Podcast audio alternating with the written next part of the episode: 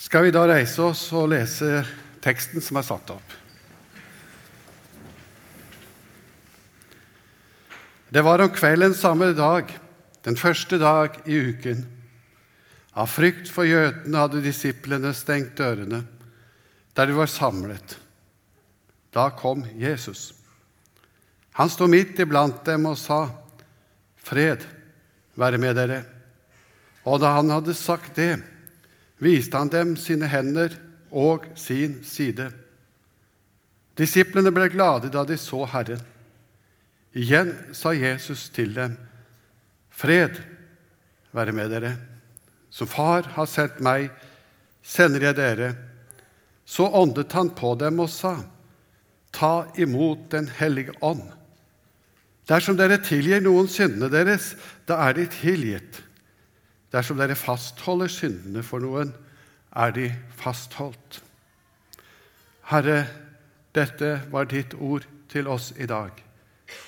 Vi ber deg om at du må åpenbare ord for våre hjerter, slik at vi får den nytte av dette ord som du hadde tenkt at det skulle være for oss. I Jesu navn. Amen.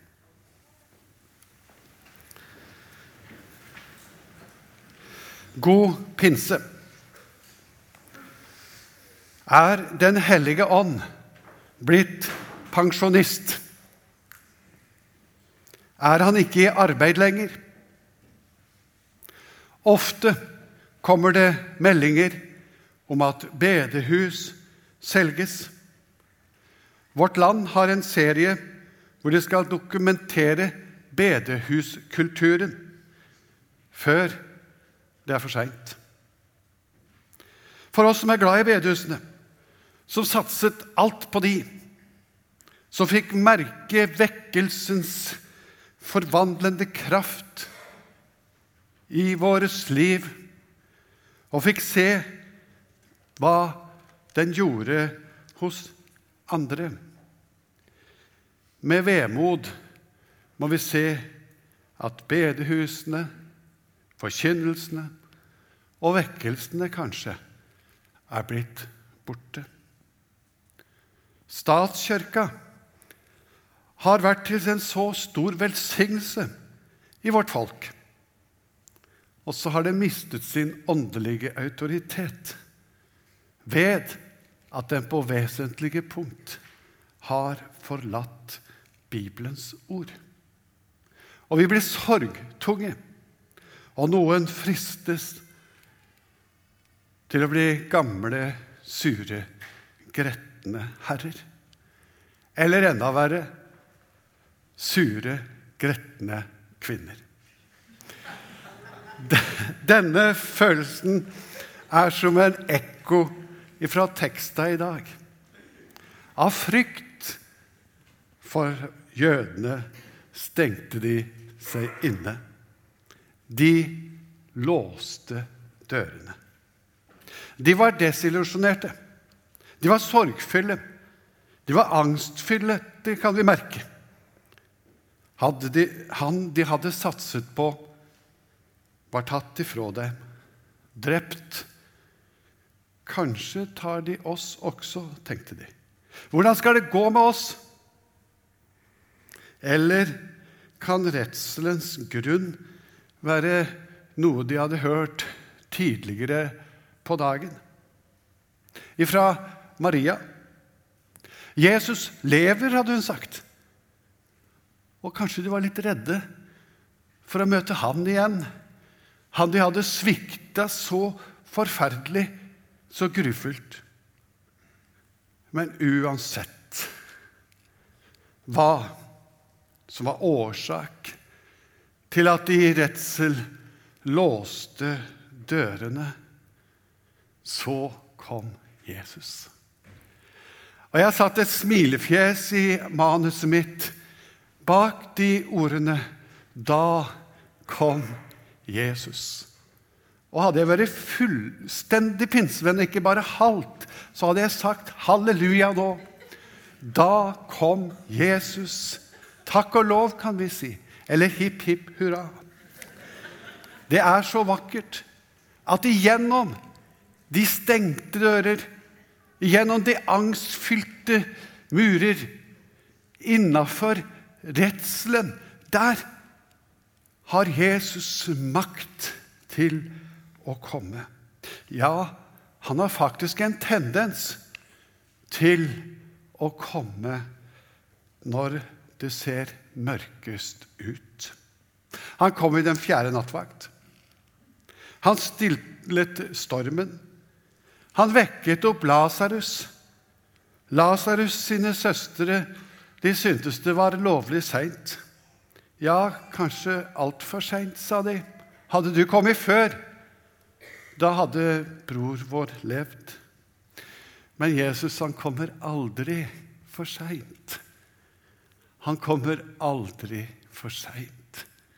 For et fantastisk budskap. Selv om døra er låst, så kom han. Han kommer altså, han har makt, Jesus, til å gå igjennom dører som er låst. Om det er bedehusdører som er låst, om det er kirkedører som er stengt, eller om det var denne døren i den øvre sal som var lukket, der de satt redde og angstfulle bak, eller om det er dører innimot lukkede land, innimot Nord-Korea, innimot Iran, innimot Kina og mange, mange andre steder rundt som vekkelsen går frem, selv om dørene er lukket. Hva er det for noe? Det er Jesus som gjentar det samme. Han møter opp bak stengte dører og sprer sitt velsignede budskap. Slik er han også i dag. Vi kan spørre oss disse desillusjonerte disipler hadde de troen? Eller hadde de simpelthen mistet den? Om Marias vitnesbyrd tidligere på dagen hadde blitt sett på som noe som en egentlig ikke kunne tro på. Det kan også være en mulighet. En mulighet. Kvinnenes vitnesbyrd var jo ikke så betydningsfulle på denne tid. Og like etter bibelavsnittet som vi nå har fremme, så ser vi teksten om Thomas, han som tvilte så alvorlig. Han var ikke sammen med disiplene da Jesus kom første gangen, men kanskje hans tvil representerte flere enn han selv. Kanskje det var noe som var preget, som preget disiplene nå. Vi har sett Herren, sier de. Men da, da sier han, ikke tale om. Jeg vil ikke tro. Det er ikke mulig, sier han. Jeg vil ikke tro før jeg får stikke fingeren inn i hans side. Og jeg, får, jeg vil ikke tro før jeg får legge fingrene mine inn i de sårmerkede hender. Vi ser i dette avsnittet at Thomas får det han spør etter. Men samtidig sier Jesus at du tror fordi du ser, men salig er de som tror selv om det ikke ser. Jesus, han dyrker ikke tvilen. To ganger i teksten i dag så snakkes det om fred. Da kom Jesus, og så hadde han med seg en fredshilsen. Jeg syns det er så fint. Jeg blir så glad når jeg leser om det, fordi du kan tenke deg når du har mest dårlig samvittighet for noe, fordi du har sviktet mesteren. Så kommer han. Da blir du litt redd.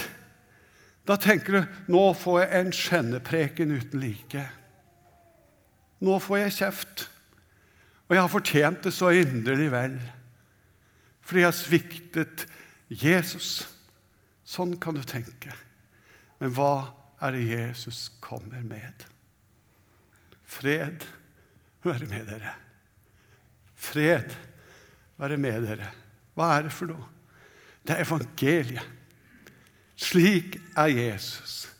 Når han kommer, så kommer han med fred og velsignelse. Det er evangeliet til redde, til angstfylte, desillusjonerte og kanskje fulle av skyldfølelse og selvforakt. Og så får de høre budskap om fred. For et budskap! Og dette er også budskap til deg i dag. Og freden, den er knyttet til Jesu handling på korset. Freden er mer en tilstand enn en følelse. Det er en tilstand du skal få leve i, fordi han henviser der altså til, til sine naglemerkede hender. Et vitnesbyrd om hva han har vært igjennom. Det er et vitnesbyrd om fredens grunnlag. Efeserbrevet 2 står året slik For Han er vår fred. Han som gjorde de to til ett og rev ned muren som skilte. Fiendskapet. Ved sin kropp. Han har opphevet loven med dens bud og forskrifter. Slik stiftet han fred da han av de to skapte et nytt menneske. I én kropp forsonte han dem begge med Gud da han døde på korset, og slik drepte fiendskapet. Slik drepte han fiendskapet og skapte fred ved at han døde på korset for deg og meg. Han kom og forkynte det gode budskapet om fred. Både for dere som var langt borte, og for dem som er nær. Gjennom ham, står det, har dere adgang. Dere har adgang like inn til Far i én ånd. Hørte du det? Fiendskap er borte. Freden er opprettet, og du har adgang direkte inn til Far. Du behøver ikke å være redd lenger, for synda er sonet. Naglene er gått igjennom Jesu hender. Og i Rombrev 5, da vi altså er blitt rettferdige ved tro, har vi fred med Gud ved vår Herre Jesus Kristus. Gjennom ham har vi også ved troen fått adgang. Veien er åpnet, veien er fri til den nåden vi står i. Og vi er stolte av det håpet om Guds herlighet. Johannes 14.: Fred etterlater jeg dere. Min fred gir jeg dere. Ikke den fred som verden gir. La ikke hjertet bli grepet av angst og motløshet. Som jeg sa, fred være med dere. Det ønsket eller den bønn eller den forkynnelse ser vi to ganger i teksten. Det er altså for det første forsoneren som sier dette. Han som viser sårmerkene, sårene han fikk for å gi oss fred. Og et av de vakreste ordene i Gamle testamentet sier dette på en sånn flott måte. Men han ble såret for våre lovbrudd, knust for våre synder. Straffen lå på ham for at vi skulle få fred. Vi fikk fred. Ved hans sår er vi helbredet eller leget. Han ble såret for våre overtredelser, knust for våre synder. Og straffen lå på Han for at du skulle få fred. Du er fri.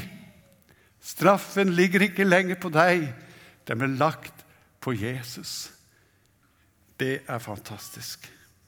Men også i forbindelse med utsendelsen. Han sender ut sine disipler. Så gir Jesus dem en fredshilsen. Og her kommer det tredje punktet andakten. Sende fred være med dere. Som far har sendt dere, sendt meg, sender jeg dere. Misjonssambandet har sendt ut veldig mange misjonærer gjennom tiden. Og vi er stolte av det. Vi er så glad for at vi får være en sendemenighet. Men dypest sett så er det ikke NLM eller noen andre misjonsorganisasjoner som sender ut misjonærene. Det er Jesus. Det er Jesus som sender. Dere er utsendinger i Kristi sted. Så er vi da utsendinger for Kristus, står det.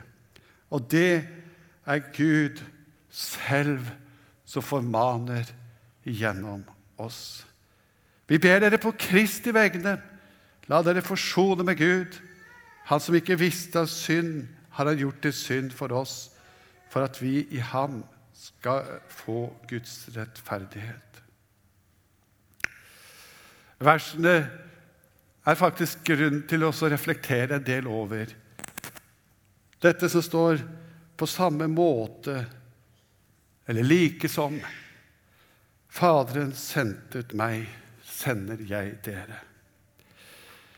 I misjonsbefalingen så hører vi om at Jesus han har all makt i himmel og på jord. Gå derfor ut og gjør alle folkeslag til disipler. Makt. Han har all makt. Gå derfor ut. Ja, han er verdig vår tilbedelse.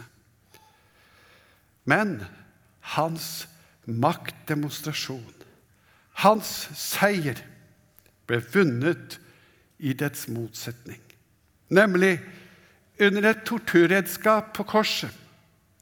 Der overvant han Satans makt. Der sonet han verdens synd. Han ropte ut 'Det er fullbrakt' der på Golgata. Samtidig 'Min Gud, min Gud, hvorfor har du forlatt meg?' Der på korset ble seieren vunnet. Da ble freden funnet. Da ble synda sonet. Og så tenker jeg like som Faderen sender meg, har sendt meg, sender jeg dere. På hvilken måte ble Jesus sendt? Hva vil du kunne spørre da? Når vi tenker på et slikt bibelvers. Jo, han ble menneske. Han ble født. Han gikk sammen med sine venner. Ordet ble kjød, ble menneske, tok bolig blant oss. Stefan Gustavsson har skrevet en bok med tittelen 'Gjør som Gud bli menneske'. Den troendes betydning i denne verden er mye større enn vi til vanligvis tenker. Jesus sier at du er lys, og du er salt. Tenk over hva det betyr. Simpelthen det at du er en kristen.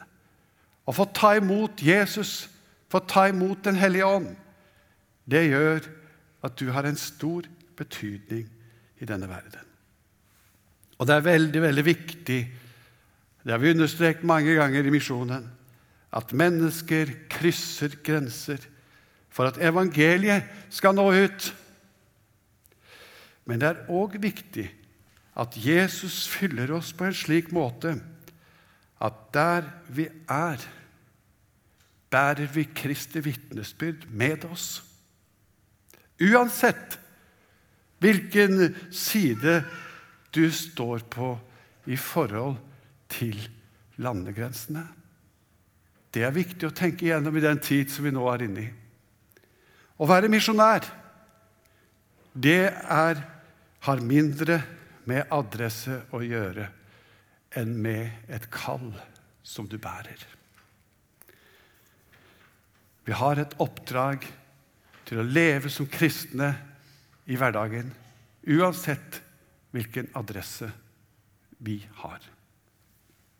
Løse- og bindemakt er det siste jeg kan komme inn på i denne talen. Det står noe om det her, og det er et av hovedvektene eller versene når det gjelder det. Løse mennesker fra deres synder. Det er primæroppdraget vårt. Og det er bare de som Jesus har sendt ut, som har mandat til å gjøre det. Og det er viktig for oss at vi ikke lager en sjelesorg som på mange måter er en variant av psykoterapi. Men at utførelsen av Kirkens mandat til å forkynne syndenes forlatelse fra talerstol og for å si det litt fra, og fra skriftestol eller fra sjelsorgrommet. Bindemakt, hva betyr det? Jo, det har med det å leve i synd å gjøre.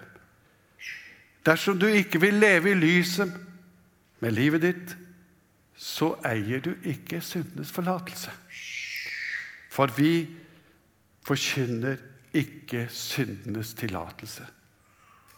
Det betyr at vekkelsen ikke først er fremst er knyttet til bedehus, til kirkerom. Den er ikke kulturelt betinget, men er knyttet til hjerte og samvittighet. Og ditt spørsmål, ditt og mitt spørsmål denne pinsedag er om vi låser dørene inn til vårt eget hjerte, eller om vi vil slippe lyset inn i det mørkeste og mest angstfylte rom i våre hjerter og sinn. Enkelte ganger kan Den hellige ånd avsløre syndene som bor der. Andre ganger kaster Den hellige ånd lys over Jesu nåde. Vi nærmest ser de naglemerkede hendene, at det var for meg han døde. Begge deler er nødvendig i et kristens liv. Redselen som drives inn, og gleden når synden blir kjent, Og gleden som vi kjenner over syndenes forlatelse. Derfor står det at da Peter talte på pinsefestens dag, så stakk det dem i hjertet. Nei, kjære tilhørere, Den hellige ånd har ikke gått av med pensjon. Nei, han er høyst oppegående. Og når ordet forkynnes, så virker den på samme måte i dag som det gjorde første gangen. For Guds ord er levende, det er kraftig, virker kraftig og skarpere enn noe tveget sverd.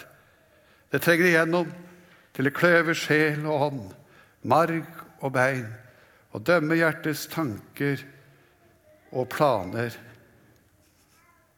Da er det altså slik at vekkelsens rom, det er og blir i ditt og mitt hjerte. Og her arbeider Den hellige ånd. I dag som før. Han arbeider arbeidsom. Han ønsker å møte deg der du sitter nå. Han ønsker å, at han slipper inn i ditt hjerte.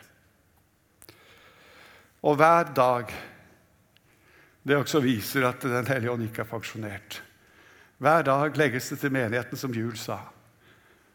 Mange ganger flere enn da det var første pinsedag, da det ble lagt 3000 til. Den hellige ånd arbeider over hele verden. De 3000, det var bare begynnelsen. Og resultatet av Den hellige ånds arbeid skal være en skare så stor at ingen skal kunne telle den. Tør vi forkynne, proklamere, med frimodighet dette som vi har hørt i teksten i dag. Dine synder er deg tilgitt. Det er jo bare Gud som har rett til å si det, til å proklamere at syndene er deg forlatt. Men her står det altså i teksta at han sendte ut sine for å si nettopp det.